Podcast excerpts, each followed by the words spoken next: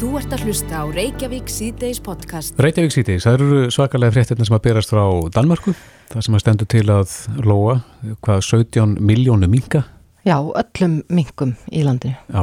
Þetta eru rúmlega þúsund minkabú Mm -hmm. sem þurfa að gangast við því að, að öll dýrin séu aflífuð Einmitt, og þeim það, fargað. já, það kom fram hérna í tala okkar við sérfræðing hjá matalastofnun í gær að, að það hafa fundist eh, hérna, að veiran, þessi COVID-veira hefur fundist í minkum og stökkbreytt að auki og eitthvað stað sá ég í morgun að menn voru að veltaði fyrir sig hvort að Danmörk gæti orði, orðið nýtt Wuhan Já, nú er allavega búið, sko, Danmörkur orðið komin á svona rauðan lista, mm. -hmm. allavega hluti af landinu hjá lang flestum ríkjum og nú meiga Danir ekki ferðast eins frjálsir innanlands og, og þeir gáta áður að. Einmitt. En uh, þessi fjöldi minka og, og hérna, þessi alvarlega staða sem er komin upp í minkabúum í Danmörku er náttúrulega stjálfileg. Mm -hmm. En uh, eru minkarnir með rödd?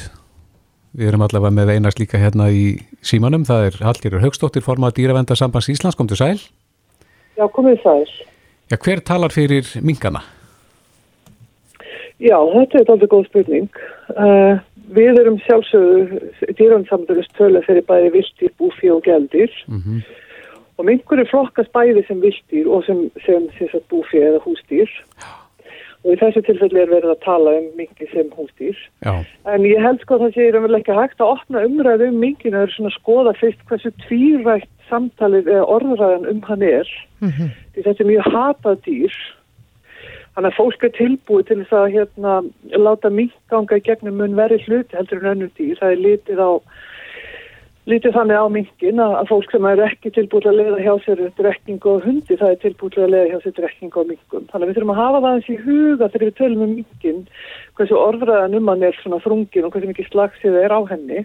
mm Já það er litið á En- minkin ef hann sleppur út í náttúruna sem skadræði skripp. Já, hann er skaraðisgripur, sko, það er Grimmt engin dýr. áhætt um það. Mm -hmm. Já, já, hann er það og hann, er, hann veldur mjög miklum skafa á lífríkinu.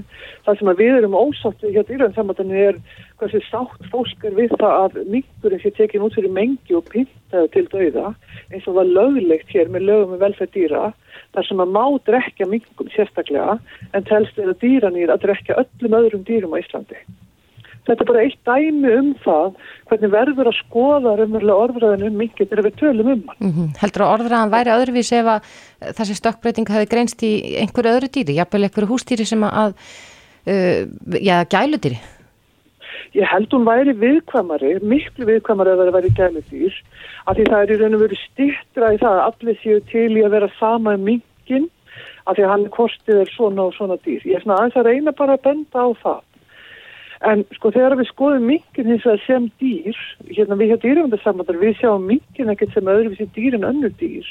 Þetta er dýr með töðakerfi, það finnur til, það finnur lóta eða, eða það reynir að flýja aðstæður og það, það drukna með handkvælum eins og önnur dýr, ef við skiljum með. Þannig að við sjáum engan mun að því ef þetta eru 17 miljón minkar eða 17 miljón kýr eða kindur. Þetta er náttúrulega algjör harmleikur og þar verður við þegar við fyrir að skoða minki sem búfið þá verður við að skoða þær aðstæð sem minkar eru haldni við. Af því að þetta, þeir, þeir komið þarna með smá aðvæðsendum Wuhan á þann og hvað á Wuhan og þessi minkabú sameileg? Jú, ofbúðslega frengsli á dýrum. Það sem mjög mikið á dýrum er haldið saman í miklum frengsli það er það sem á sameileg Mm þess vegna, og það er það sem að gera þauleldi því minkar eru haldni við þauleldi hættulegt. Einnig hefur verið sínt fram á það að þauleldi einhver sjúkdómahættu þar að segja það veiki mótstöð að stýra að halda dýrum mikil þrengsli. Og það er búið, Európa-samband er búið að reikna út til dæmis hérna gafart kjúklingum, hvena kjúklingar byrja að vera veiki það er við miklu hérna læra stýr heldur en er leift að halda það þess að vera að tróða þessi dýr fulla af hérna pensilinni en það er kannski önnur umræða. Þannig að í rauninni þurfum við að skoða þegar við skoðum minkin þá þurfum við að skoða þetta sem vandamál sem er manngert af því að þessi, þetta dýr er haldið í mjög stórum búum í ofsalögu magni. Og þegar það kemur síðan að því að aflífa 17 miljón minka þá erum við að tala um harmleik uh, fyrir minkana af því hvernig þeir eru haldnir. Já, og við skulum hafa í huga að það er ekki vegna þess að minkarnir hafi gert nýtt af sér. Nei, akkurat. En sko, loðdýra eldi á Íslandi er, eh, þetta er yðnaður sem er í raun og veru uh, minni en hann var áður hér á landi, ekki satt? Jú, sko, einmitt. Nú skulum við aðeins skoða Lótirhald á Íslandi og eins líka bara það sem hefur komið frá formanni Lótirbanda á Íslandi sem ég finnst ekki gott mál, sko. Uh, fyrir það fyrsta finnst mér mjög óabist að hérna, gera lítið úr hérna, sóttvarnar ráðstöðunum vegna einn hagsmunna og það er bara alveg smál að gera það en ég svo sem skila fólk hverju rættir að kemur að hagsmunni þess. En saga minkaræktar og lótirræktar á Íslandi er bara ofbúslega brokkeng saga af stöðugum gjaldrótum þar sem að ríkið er stanslust að gripa inn í og dæla peningum inn í greinina. Og sko stöður lofurðum allt þarf að vera ofsalega flott og svo er bara alltaf minkandi grein sem við erum hrifin af því að við viljum losna við þessa grein. Hún á ekki heima, bara neinstaðar á ekki að halda þessi dýr. Nú, varðandi hérna þetta, heilt yfir, bæði Ísland og Danmarku, þá verður það bestu fréttinnar ef það verður hægt að halda þessi dýr í kjölfæra af þessu, bara alveg. Af því það hefur verið bent á það að minkurinn er sérstaklega næmur fyrir þessu. Mm -hmm. En, en hvað, hvað verður þá að minka stopnin ef, ef við hættum að já, vera með svona bú? Já, minkurinn er svo sem við erum með, hann er af amerískum stopni kominn og hann lifir í sínu náttúrulega umhverju úti í Ameríku bara eins og hvert hann að dýr þar. Hvað verður um íslenska minkastofnin? Það eru mjög góða frettir. Það er engin leið að útrýma íslenska minkastofninum öðruvísi en þessi búskapi leggist af eins lengi og þessi búskapur er hér á landi að þá halda þessi minkar áfram að fara til náttúruna og mynda nýja og nýja stofn og nýja og nýja óður. Þannig að það er tóntmál að tala um það eins og er núna í áallin hjá stjórnvöldum að reyna að hérna útrýma þeim. Það er tóntmál að tala um það vegna þess að minkabændu muni halda áfram að sjá landinu fyrir viltum minkum. Og ég ætla, sko, sko mér er ekki ítlaðið minka en ég persónlega aðhyllist að þeim sé útrýmd úr íslensku náttúru vegna þess hvernig er ganguð náttúruna og það er sko búið að sína fram á hvernig bæði hérna fugglabíðir leggjast af nálægt óðurlum, bara, þetta eru bara nokkur mingar, mm -hmm. að klára heilu fugglabíðirnar, þannig að það þarf að skoða í því samhengi líka. En haldir þetta nú höfum við nýlegt dæmi hér á, á Íslandi þar sem að kemur upp riða í söðfjö og það er tekið nákvæmlega um að sleit, slátra þarna stórum hópi. E, setur eitthvað sama sem er ekki þarna milli og, og þess að slátra öllum þessum mingum í Danmörku?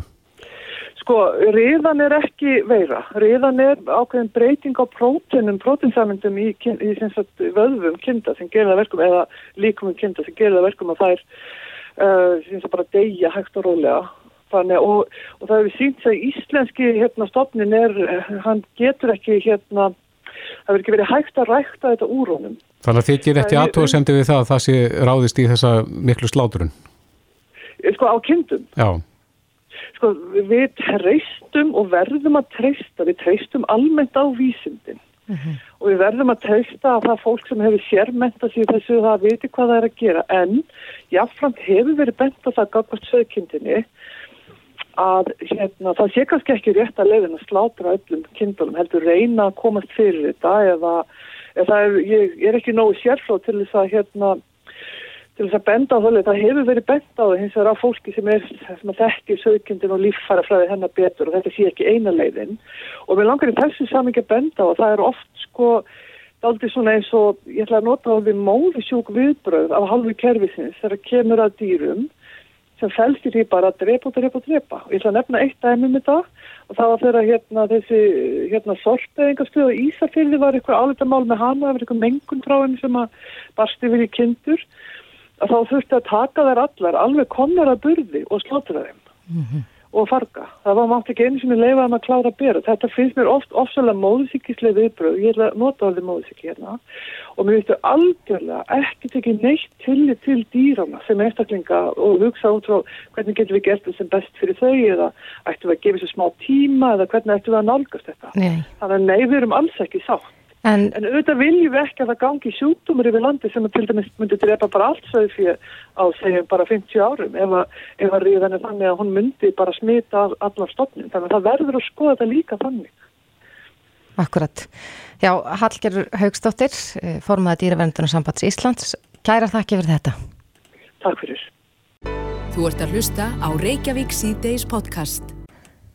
Reykjavík C-Days og bylginni heldur áfram hugsaði séu nú margir sem er að fylgjast með gangi mála Vestanhafs mm -hmm. en bandarækjumenn er ekki enn uh, búinir að telja öll atkvæðin þannig að við vitum ekki Nei. fyrir víst hver verður uh, fyrir valinu hvort að, að Joe Biden taki við sem næsti fórseti bandarækina eða hvort að Donald Trump haldi kjöri Já, þetta eru gríðarlega spennandi kostningur ég man nú ekki eftir öðrum eins kostningum svona í, í svipin Nei, en það eru þetta litað rosalega af sko kórnuveru faldurum, það bara e, við vissum það svo sem fyrirfram en, Já, og svo er, líka, er þetta líka litað af fjörungum fórseta sem að setja núna sem að hérna er mjög yfirlýsingar gladur en, en það vil líka verið bent á það að e, það er um helmingur e, kjósenda í bandaríkunum sem að kjósa Donald Trump þrátt fyrir þessa neikvæðu umræðu sem hefur verið um hann undanfærin ár. Já, ég held að við hérna á Íslandi kannski, já, erum mörg hver fyrir maður erum ekki jafn langt til hægri eins og, eins og Donald Trump er en, en ég væri til að sko vita það og skilja það hvaða er sem fólk vil halda í. Já, akkur að færa öll þessi atkvæði þarna? Já, við erum að tala um sko marga tugi miljóna sem er að kjósa. Hannes Holmstedt Jésúrarsson, professor í stjórnmálafræði við Háskóli Íslands er á línu, kom til sæl. Já, blessaður Já, svona út á þínu bæjadyrum síðan, hvað, hvað er það sem að, sem að um helmingur bandarískra kjósenda heitlast af?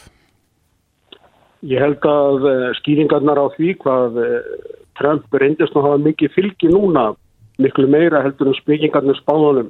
Mm -hmm. Skýringarnar séu nú margar. Einir auðvitað að, að uh, skálkurinn í leikritin er alltaf svo sem er mest spennandi. Með fyrst og félix í fást, mm -hmm. til dæmis. Uh, annar er að uh, Trump uh, kemur dálítið svo utangarsmaður inn í stjórnmálabaratuna í bandaríkjunum og það er eins og við annar staðar þá finnst mönnum sem stjórnmálamenn séu allt of mikið gefni fyrir málamilanir og það kom aldrei nýtt út úr þeim og svo framvegis en hann hefur dálítið verið í að höfða á hnúta. En ég held nú að megin skýringarnar á því að Trump nýtur talsvara vinsalda er að hann, uh, hann er það sem marga langa til að vera. Miljónamæringur sem að fallið að konu er í sjónvastáttum og svo framvegis. Hann er það sem marga langa til að vera og hann segir það sem marga langa til að segja. Hann uh, segir til dæmis fréttamöllum til syndana, hann ræðst á menn hann tekur þess að snoppuði elítum sem eru á östuströndinni til bæna og þetta finnst fólkið aldrei skemmtilegt En auðvitað er uh, Trump öðrum þræði óheflaður rutti. Ég sagði þannig þegar ég var í uh, viðtölum vegna fósættakjörsins fyrir fjórum árum að þá myndi ég kjósa Hillary Clinton og þá voru til þess tvær ástæður. Önnum var svo hvað framkoma Trumps er óheflu og hinn er svo að hann er náttúrulega ekki hægri maður þó að sýttundum sagt. Hann er til dæmis tollvendarmaður, hann er populisti, hann er ekki hægri maður. Mm -hmm. En uh, hann hefur sann sem vera ákveðið aðdætturafl og ég gæti nú ekki annað en dást á hann um 74 manninum hvað hann var kröftugur í kostningabaróttinni. Og ef hann hefði verið eins fyrir hlutennar eins og hann var setni hluta þá var hann hugsalega um með kostningarnar en það er alveg rétt sem við sögum formálunum hérna á þann að hann fekk í reyni miklu meira fylgi heldur en búist hafi verið við. Mm -hmm. Já, en þetta eru, þetta eru mjög spennandi en hann er auðvitað líka mjög yfirlýsingaglaður og hefur verið það bæði á samfélagsmiðlum og síðan í ávarpi sínu í gær þar sem að, að, hann já, heldur því fram að um kostninga svindl sé að ræða í, á fleirin einum stað. Já, ég held að eins og ég sagði áðan þá hef ég nú kosið Hillary Clinton 2016 en mér finnst eiginlega Trump að staðið sér nokkuð vel sem fórseti. Ég er alveg sammálað fyrir það að hann hefur verið yfirlýsleika glæður og hann hefur verið dónalegur, hann hefur verið ruttalegur, það er alveg rétt en uh, hann hefur ekkert, uh, það sem hann hefur sagt hefur verið miklu verra heldur en það sem hann hefur gert. Það sem hann hefur gert til dæmis er að hann hefur hverki farið í stríð, ólíkt mörgum öðrum fórsettum. Hann hefur lækkað skatta og örfað hann í aðdunulífið, hann að hagvöstur var mjög mikill, þannig koronafaraldurinn uh, skalla á og hann hefur skipað hægstyrðardómara sem munum dæmestu stjórnarskramnin, ekki bara eftir eigin gethóta og fordómum. Þannig að ég verður að segja það að ég með þetta við hann. Og hver skildum við vera ástæðan til þess uh, og við ægum að versta því fyrir okkur þó að spekingarnir gerir það ekki því að þeir eru bara í keppni hverju annan og um það hver getur tala verst um hvað hver er ástæðan til þess að Trump fær uh, mesta fylgi allra að fórsetta republikana hjá fólki sem ekki er kvít uh, á hörunslið í þessum kostningum frá 1960 að telja. Ég verði að versta því fyrir mér og ég held að skýringin kunna vera svo að menn sjá í Trump mann sem að getur aukast, þá hann hafi þessu erft talsvölda fyrir, þeir sjá aldrei bandariska draumin, til dæmis hvað veldur því að þessir um, aðfluttu uh, menn frá uh, Mið- og Suður-Ameríku sem að bú í Flórida kjósa mjög margir Trump. Það er því að þeir eru að koma til bandaríkjana til þess að brjótast í bjargálnir. Mm -hmm. Þeir vilja lifa bandariska draumin og Trump er að sumu leiti uh, holdtekja hans og eins og ég segi, ég hafi fyrir verið á honum uh, fyrir margra, margra hlutasakir en ég verið að bæta því við að ég held að þessar kostningar hafi farið vel að mörguleiti það er, eh, ég veit ekki hversu bærilegt það hefur verið fyrir okkur sérstaklega fyrir okkar ágætti vinstri finnuðu vini að hafa uh, Trump í, í fjögur ár í viðbót, þeir eru sennilega bara hægt af fjörónum ef það hefur gerst. Þannig að sömuleitur gott að losna við hann en um leið þá stóður Republikana sig vel í uh, í kostningunum til fulltróðdeldarinnar og öldungadeldarinnar þannig að það myndast ákveði jafnvægi auka vinstri menn sem eru orðinir aðsósmiklir í demokrataflokknum þeir mun ekki fá það brautargengu sem við vonuðumst til þannig að þetta fór í rauninni bara alveg príðilega mm -hmm. bætin verður rólegri og kurtesari maður, dagfarsbrúðari heldur en Trump. En ég held að mun nú hviða frekar lítið á honum. Já En e, nú erum enn að leiða því líkum líka að e, Trump muni bjóða fram aftur eftir fjögur ár Telur þú líkur á því? Ég tel að nú frekar ólíklegt og ég vil nú segja sér að mér finnst nú uh, þessi, uh, þessi viðbröðans við ósigrunum sem að blasir við ekki alveg skinsamleg. Það er að segja, auðvitað, ef það hafi verið einhver kostningarsvík einhver staðar, þá auðvitað leiðir þetta það. En þá verður þetta að leggja fram gögnum það. Mm -hmm. Það er ekki umganguð að, að fullir það. Nei. Þannig að ég var fyrir þetta allir vonbröðum með það. Auðvitað er hann maður sem kann ítla að taka ósigrið Mm -hmm. En uh, á það verður líka að líta að uh, á honum hefur dunið mjög mikið. Uh, fjölmiðlarnir í bandaríkjanum eru mjög margir afar andýðurónum. Þeir eru nú eigu margra ríkustu manni í heimi, til dæmis á Jeff Bezos í Amazon, hann á Washington Post og Carlos Slim, hann á New York Times mm -hmm. og síðan eru CNN og, og aðra sjónastæða mjög andýðar Trump og það var reynd að koma hann frá völdum með málstöðum gegn honum þannig að hann er svona vanur andróður og er sjálfur þess að dálítið herskár ríka Akkurat En rétt í lókin Hannes, hvernig metur stöðuna núna? Er, er sigurinn í höfn fyrir bætin eða geta, getur eitthvað óvænt gerst? Nei, ég held ekki. Ég held að eh, bætin verði næstu fórsökti bandaríkjana og ég held að hann kom ekki fram þessum áætlunum sínum vegna meira hluta eh, republikana væntalega um að hækka skatt og loka fólk inni mikið og stöðu vatunulífið. Ég vona hins vegar að verði sterkur á sellinu bakvart eh, Kína sem er mikilvægasta verkefni næsta fórsetta bandaríkjana. Mm -hmm. Heldur það virðing bandaríkjana á heimsvísumunni eh, aukast? Ég er nú uh, þeirra skoðunar að uh, það sé nú ekkert nýtt að menn hafi anduða bandaríkjuna vegna þess að sjá í bandaríkunum vonir og drauma sem rættust og vonsvikið fólk og minnipokamenn þeir eru þetta steita skapi sín á bandaríkjumannum og síðan eru þetta líka til það sem að kalla á ennsku vöðfjörsignaling mm -hmm. digðaskreiting á íslensku, ég sé að sem er hægri menn íslensku þeir hafa verið mjög harðir á móti Trump. Ég held að það sé digðaskreiting því að bætin er náttúrulega frekar vinstri sinnaður uh, hann vil hækka skatta og loka fólk inni. Núna í þessum faraldri sem ég held að sé hvort ekki mjög óskynnsanleg Já. Já.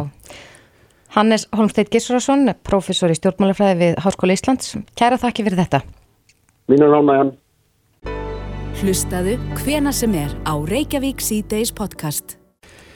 Reykjavík C-Days, það er þessi bansætti faraldur sem að hefur sett alltaf hlýðina hér en, en það eru fínar fréttir þegar það kemur að tölum. Já.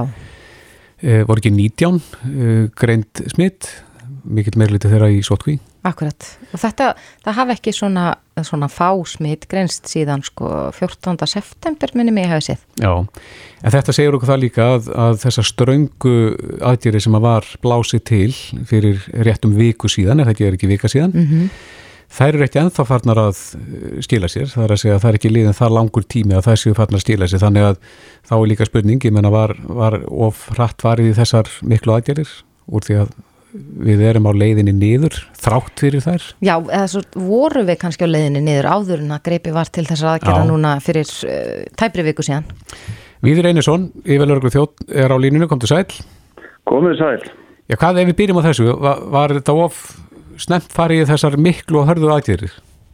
Nei, kannski þetta móti, kannski hefðu átt að gera þetta eitthvað fyrst vegna þess að við sjáum bara hvernig ástandið er á landsbítalarinn átta einstaklingar lagðirinn í gerðkvöldi og, og hérna ástandi sjaldan verið þingra þar þannig að það var ekki setna verðna að grípa til aðgera það er náttúrulega fyrstur en það sem við erum að horfa til í, með þessu er að, er að hérna, bremsa þetta hraða niður til þess að minka álægið og helbriðiskerfi sem er komið á fólmörkum. Þannig að það er staðan í heilbyrðiskerfinu sem að ræður umfram það sem er að gerast út í þjófélaginu?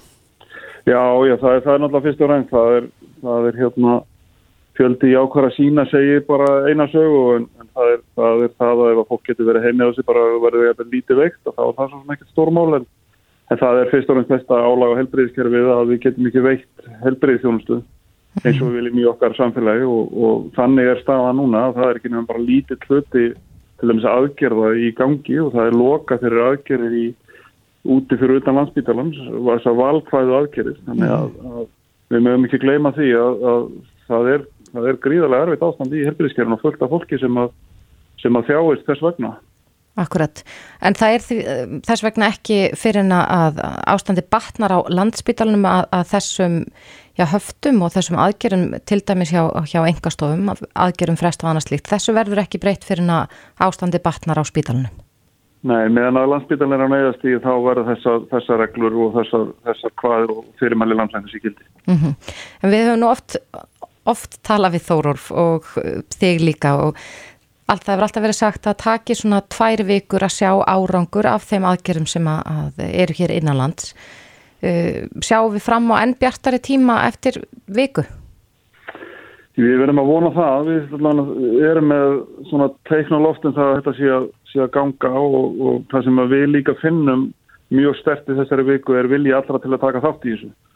Mm -hmm. að við föndum það sko fyrir svona tíu dögum síðan eitthvað svoleiðis að fólk var alveg þreytt og, og þá vorum við líka að horfa á mikið áláð á landsbytarnum og líka að horfa á það að jafnvel þó að það væri víspenningar um það að faratunni geti verið að fara hægt niður og þá geti það tekið mjög langan tíma og, og spá líka sem kom frá háskólunum sagði það að við getum verið að standa í þessu eins og þetta var þá jafnvel langt fram eftir desember Já. og þegar við horfum á þetta út frá ástandan á landsbytarlanum, farsótarþreytinu og öllu og þá var var þetta niðurstann að leggja þetta til að það er gripið svolítið harkalinni núna og keira þetta niður til þess að, að, að ná betri árangur á steytri tíma. Mm. Þú sagðir á bladamannafundi ekki alls fyrir löngu að þú hefur orðið hissa á öllum þessum beðnum um undanþáur, það sem að menn voru reyna að finna einhverjar leiðir framhjá því að þurfa að gangast undir þessi hörðu stílirði.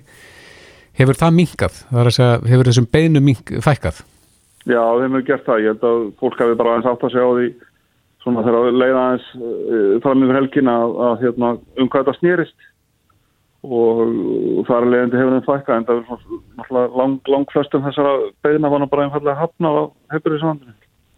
Var, voru einhverjar af þessum beðinu sem var, já, fengu einhverju undan það var afsakið?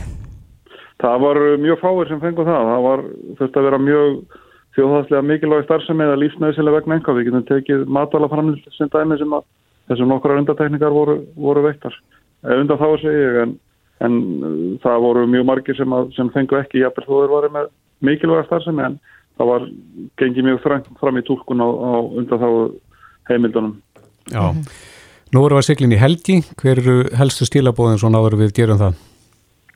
Já, sko, við höfum verið að tala um að, að fólki að ferast innan ús um helgina. Ég held að það sé bara fín skilabóð en en förum bara varlega og pössum hvert upp á annað í, í þessu og, og hérna njótum samvesta með okkar allra nánustu. Já, það hefur svolítið verið talað um uh, rjúpnastíkturnar hefur þið tekið púlsin á, á þeim málum?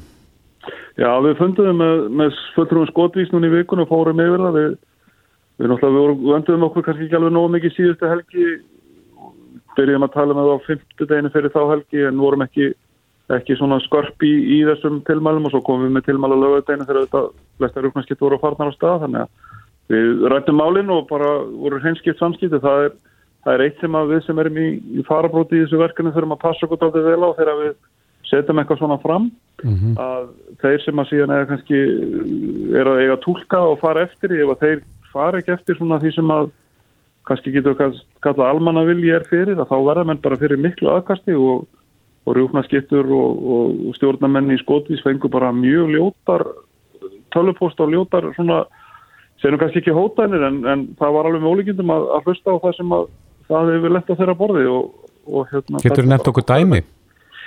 Nei, ég veit það ekki. Það eru bara, eins og segir, það hefur verið að kalla mannum ljótum nöfnum og, og hérna, na, við, við bara vorum aldrei hissa á þessu en við séð þetta áður að þeir sem að þeir sem er ekki að hérna, fara alveg eftir því sem við erum að segja og eru að tólka hlutin að þeir verða fyrir miklu aðkasti og við, mm -hmm. við sem erum í farabótið þurfum að vanda okkur vel því að, því að við erum öll í þessu saman og það er allir að gera sitt besta og, og það er ekkit alltaf ein ríkislegið því, menn men reyna sitt besta og það, við verðum bara að vera undarðalend gagvart hvert öðru. Já, en, en við þetta nú í annað skipti á stuttum tíma sem þú talar um dónaskap í garð annara. Er fólk orðið svona þreytt á ástandinu að það, það kannski er, eh, hegða sér ekki eins vel að ætti að gera, sko. Ég er að tala um þá sem að, að til dæmis eins og með uh, dónaskapin sem að fólk, starfsfólk verslana var fyrir og núna segir okkur frá þessu með, með rjúpnarskiptunar.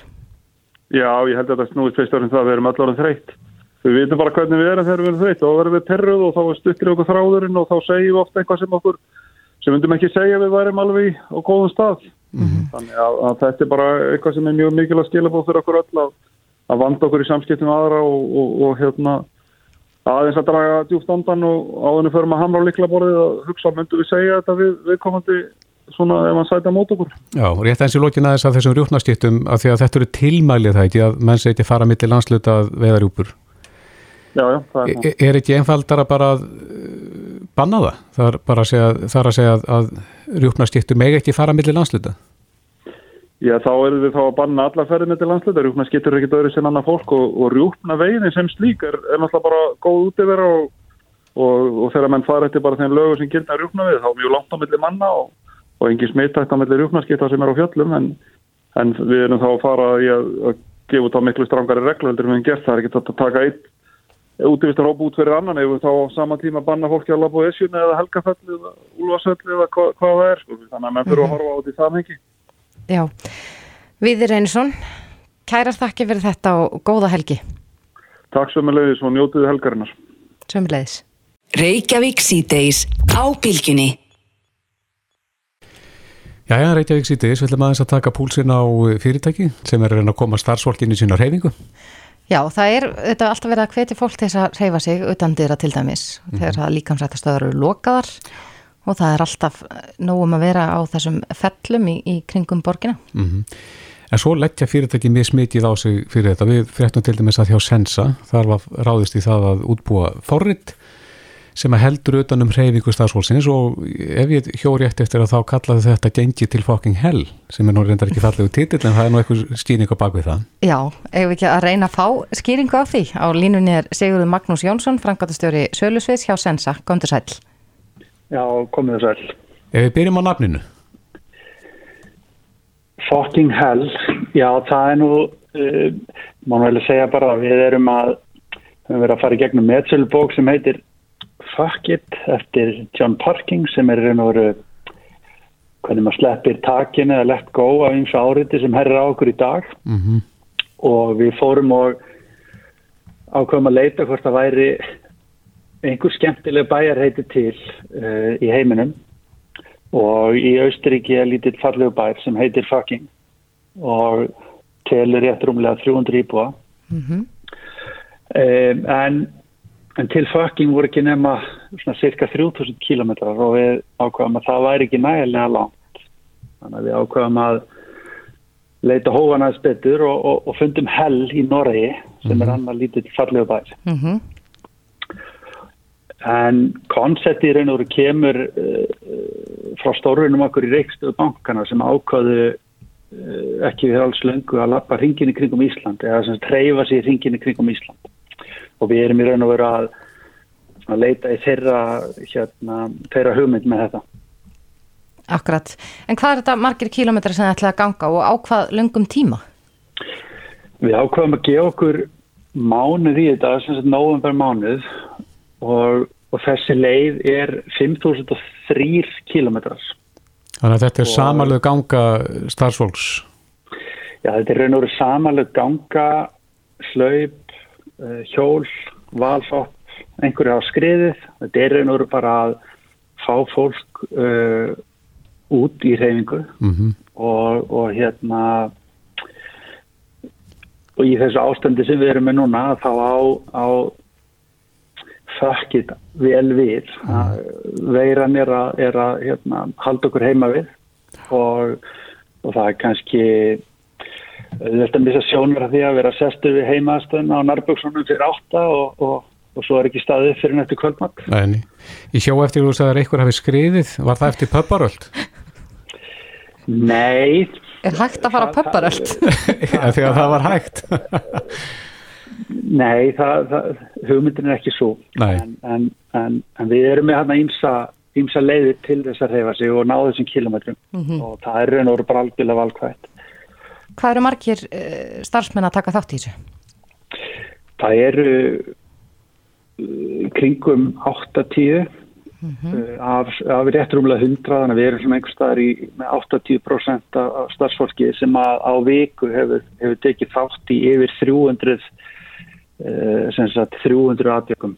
Já, þannig að það eru 300 reyningar skráðar. Já, þannig að þetta eru yfir 60 kilometrar á- per mannesku. Já, en það er að meðaltali, en, en það er munur því að sumur eru að hjóla og þú fer alveg lengra þannig mm og það er sem labba og, og sumur er búin að taka færri og, og sumur fleiri, fleiri hérna reyningar. Já, þetta er vel til fundi og það var ráðist í það að gera þetta ekki app eða forrit í kringum þetta? Akkurat, við hérna kynntum þetta starfsmannafundi fyrir viku og vorum í raun og veru ekki annað, búin að gera annað þá en að ákveða áfengastæðina og fundurinn var eh, einhverju 20 mínútur og á- meðan fundurinn stóð þá var að tóku einstaklingar sem, til sem eru miklu snillingar og byggu til skráningaforrit og, og app þannig að fljótlega eftir stafsmannafundin var, var komin vísir að þessu forriti sem að hérna, allir gáttu byrja að skrá sem sagt sína reyningar Já. og Þetta er greinlega mikið hæfileika fólk sem er þarna hjá okkur. já, miklu snillingar sem að, sem að við, við erum með hjá okkur Já. Já, Sigurður, eh, gangi ykkur vel á, á þessari göngu á ykkar áfangastað. Kæra þætti fyrir spjallið. Já, takk fyrir það sem við leiðis bless. helgi Reykjavík síðdeis á Bilginni podcast. Reykjavík síðdeis heldur áfram. Já. Það er ekki mikið um, um flug hvergi í heiminum í raun og veru og ég held að, að já, leifstöð hafi nú sjaldan verið tóm og eins e, lítið nýtt og, og á þessu ári. Mm. Og flugstéttina reigundur högg að sætja en, en maður heyrir ekki mikið eh, sko þetta fólk kvarta. Nei, það er alveg ótrúlegt út af því að, að, að það er mjög erfitt að vera í þessum bransa núna þar sem að, að eh, nú erum við bara með þetta eina flugfélag hér á landi, Mm. íslenska flugfélag og eh, mörgum hefur verið sagt upp, lítið um flug Mm og þetta hlýtur að vera erfitt. En menn eru líka að spá fyrir sér sko hvað varðar flug framtíðarinnar. Hún segir einmitt og spyr að þessu, Sara Hlín Sigurðardóttir, eh, um þetta, hver er flug áallum framtíðarinnar í grein sem að byrtist inn á vísi.is en hún er flugmaður, lagfræðingur og situr í stjórn félags íslenskara atvinnuflugmanna. Komdu sæl. Sæl. Hvernig er, uh, já þú, eins og Kristoffer saði, þú ert flugmaður og, og þú situr líka í stjórn FIA.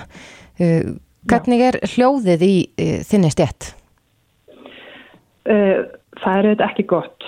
Við vorum með 817 félagsmenn fyrir um ári síðan en erum núna komin niður í töluna 336 og þeim fyrir enn fækandi flugmennum sem eru starfandi á Íslandi Mm og, og hljóðið er að sjálfsög ekki gott. En hvernig sér þú fyrir þér framtíðina? Hvað, hvað, hverju er menn að búast við?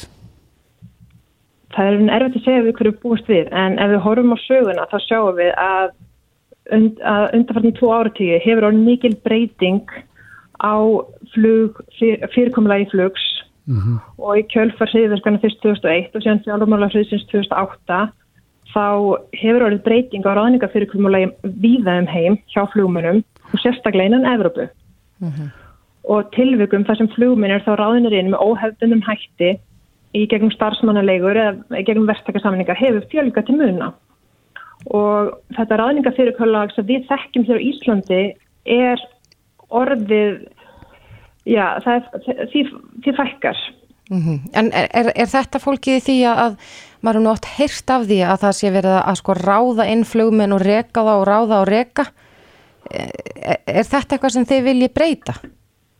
Það er í raun kannski svolítið Íslands fyrirbæri vegna þess að við búum við þess ástöðasöflu Mm og við, það er ítrekka að vera að reyna að minka hana með því að uh, laða bæði túrista til landsins á utan háana tíma og eins auka flug á milli þar sem Íslandi bara tengistöð utan þessa háana tíma sem hefur verið sumarið. Þannig að það, það, við erum ekki endilega að horfa á það í, í þessari grein sem ég er að skrifa núna í, í fréttablaði Mhm. heldur hann að um, bara ráðninga fyrirkomulegi per se og flugöryggi í tengslu með það. Já, þannig að flugmenn að þeir fá eh, annars konar meðhöndlu núna þar sem að það eru svo margir um hvert löst starf. E- Eru þá flugfélagi með þá þjættara tak á þessum starfsmönnum? Já, nú er ég raunin ekki að horfa á það sem er að gerast á Íslandi endilega, heldur er ég að horfa á það sem er að gerast út í heimi og Evrópu að því við óttumst að þetta muni koma líka til Íslands, þetta Mhm. fyrirkomulag og það er auðvitað erfitt að vera fyrirtæki sem keppir á alltaf markaði og, og þú verður auðvitað aðlagað að já. Fyrir ekki að þú segir til dæmis í greinin að nýráðnir flugmenn þurfa að greiða fyrir eigin þjálfun sem að þeir hafa ekki þurft að gera allir jafnaði það?